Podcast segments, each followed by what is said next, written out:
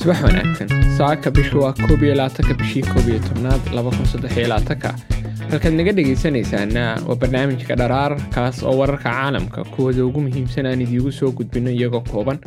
Subax walba lixda subaxnimo ayaan idiigu baahinaa adeegyada bodkastyada sida spotify iyo apple bodcast facebooka iyo youtube-kana waxaanu ku baahinaa.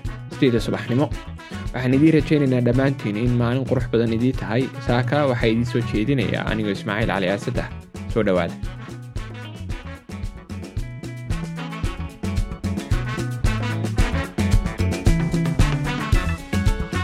maxkamad ku taala dalka talyaaniga ayaa xukuntay in ka badan laba boqol soddon eedeysana dhammaadkii.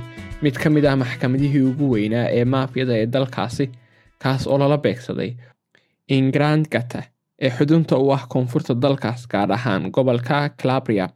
In ka badan saddex boqol iyo soddonka qof oo looga shakisan yahay inay mooryaan ama maafiya yihiin iyo dad la sheegay inay xiriir la leeyihiin oo ay ku jiraan xirfadlayaal dharcad ah ayaa wajahay dacwado kala duwan sida baad ka ganacsi daroogo iyo xatooyo.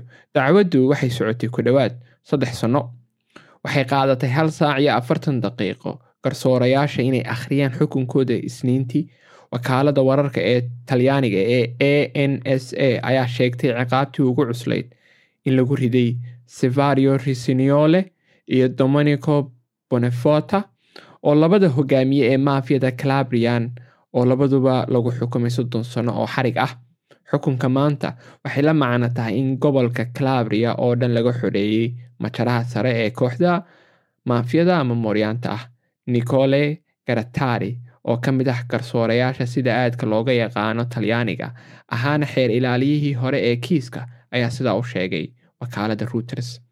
Dadka la xukumay waxaa ka mid ahaa gian carlo bitali oo ah qareen iyo siyaasi hore oo uga tirsanaa xisbiga forsa italia xubinna ka ah isbahaysiga talada qaranka kaas oo lagu xukumay koob iyo toban sano oo xabsi ah markii lagu helay dembiyo maafiya ah iyo gudbinta macluumaadka garatari oo shaqada ka tegay laba bilood ka hor si uu u noqdo madaxa dacwad oogaha ee nablus ayaa sheegay in xaqiijinta xiriirka ka dhexeeya ingrandgata iyo shabakada xirfadlayaasha ayaa ahaa arrin muhiim ah oo ka mid ah xukunka.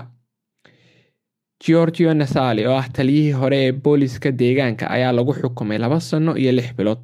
Si kastaba ha ahaatee xeer ilaalintu ma aysan xaqiijinin xukuno culus oo la mid ah kiis ay ku raadinayeen dhowr kiis iyadoo ku dhowaad boqol ka mid ah dadkii la maxkamadeeyey lagu waayey wax xukun ah. Xukunka darajada koowaad ee isniintii waxaa rafcaan ka qaadan kara labada dhinacba oo macnaheedu tay xeer ilaalinta iyo qolada istifaacaysayba rafcaan way ka qaadan kartaa ingrandkata waxay dacwad oogayaasha u haystaan inay yihiin kooxda maafiyada ugu awooda badan talyaaniga iyagoo si fudud u daboolay ama u qariyey cosa nostra ee caanka ka ah sicily. Iyadoo saameynta cosa nostra ay ku fiday dhammaan yurub oo dhan iyo meelo ka baxsanba. Maxkamadeynta ayaa lagu qabtay xarun dib loo qaabeeyey oo biro adag lagu rakibay eedeysanayaasha si aanay u baxsan ama aan loola baxsanba dee aanay meeshaba u keeninba. Qaar iyaga furta.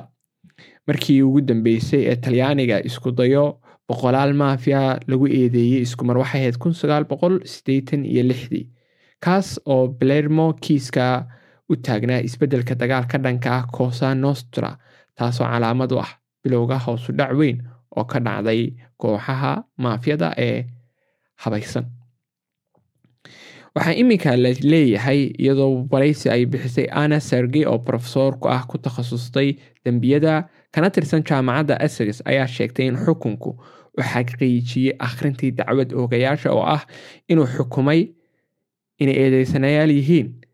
Balse weli hadda waxay ka qaadan karaan rafcaan iyadoo sharciga talyaanigu dhigayo ilaa qofka saddex jeer xukunka ku dhaco.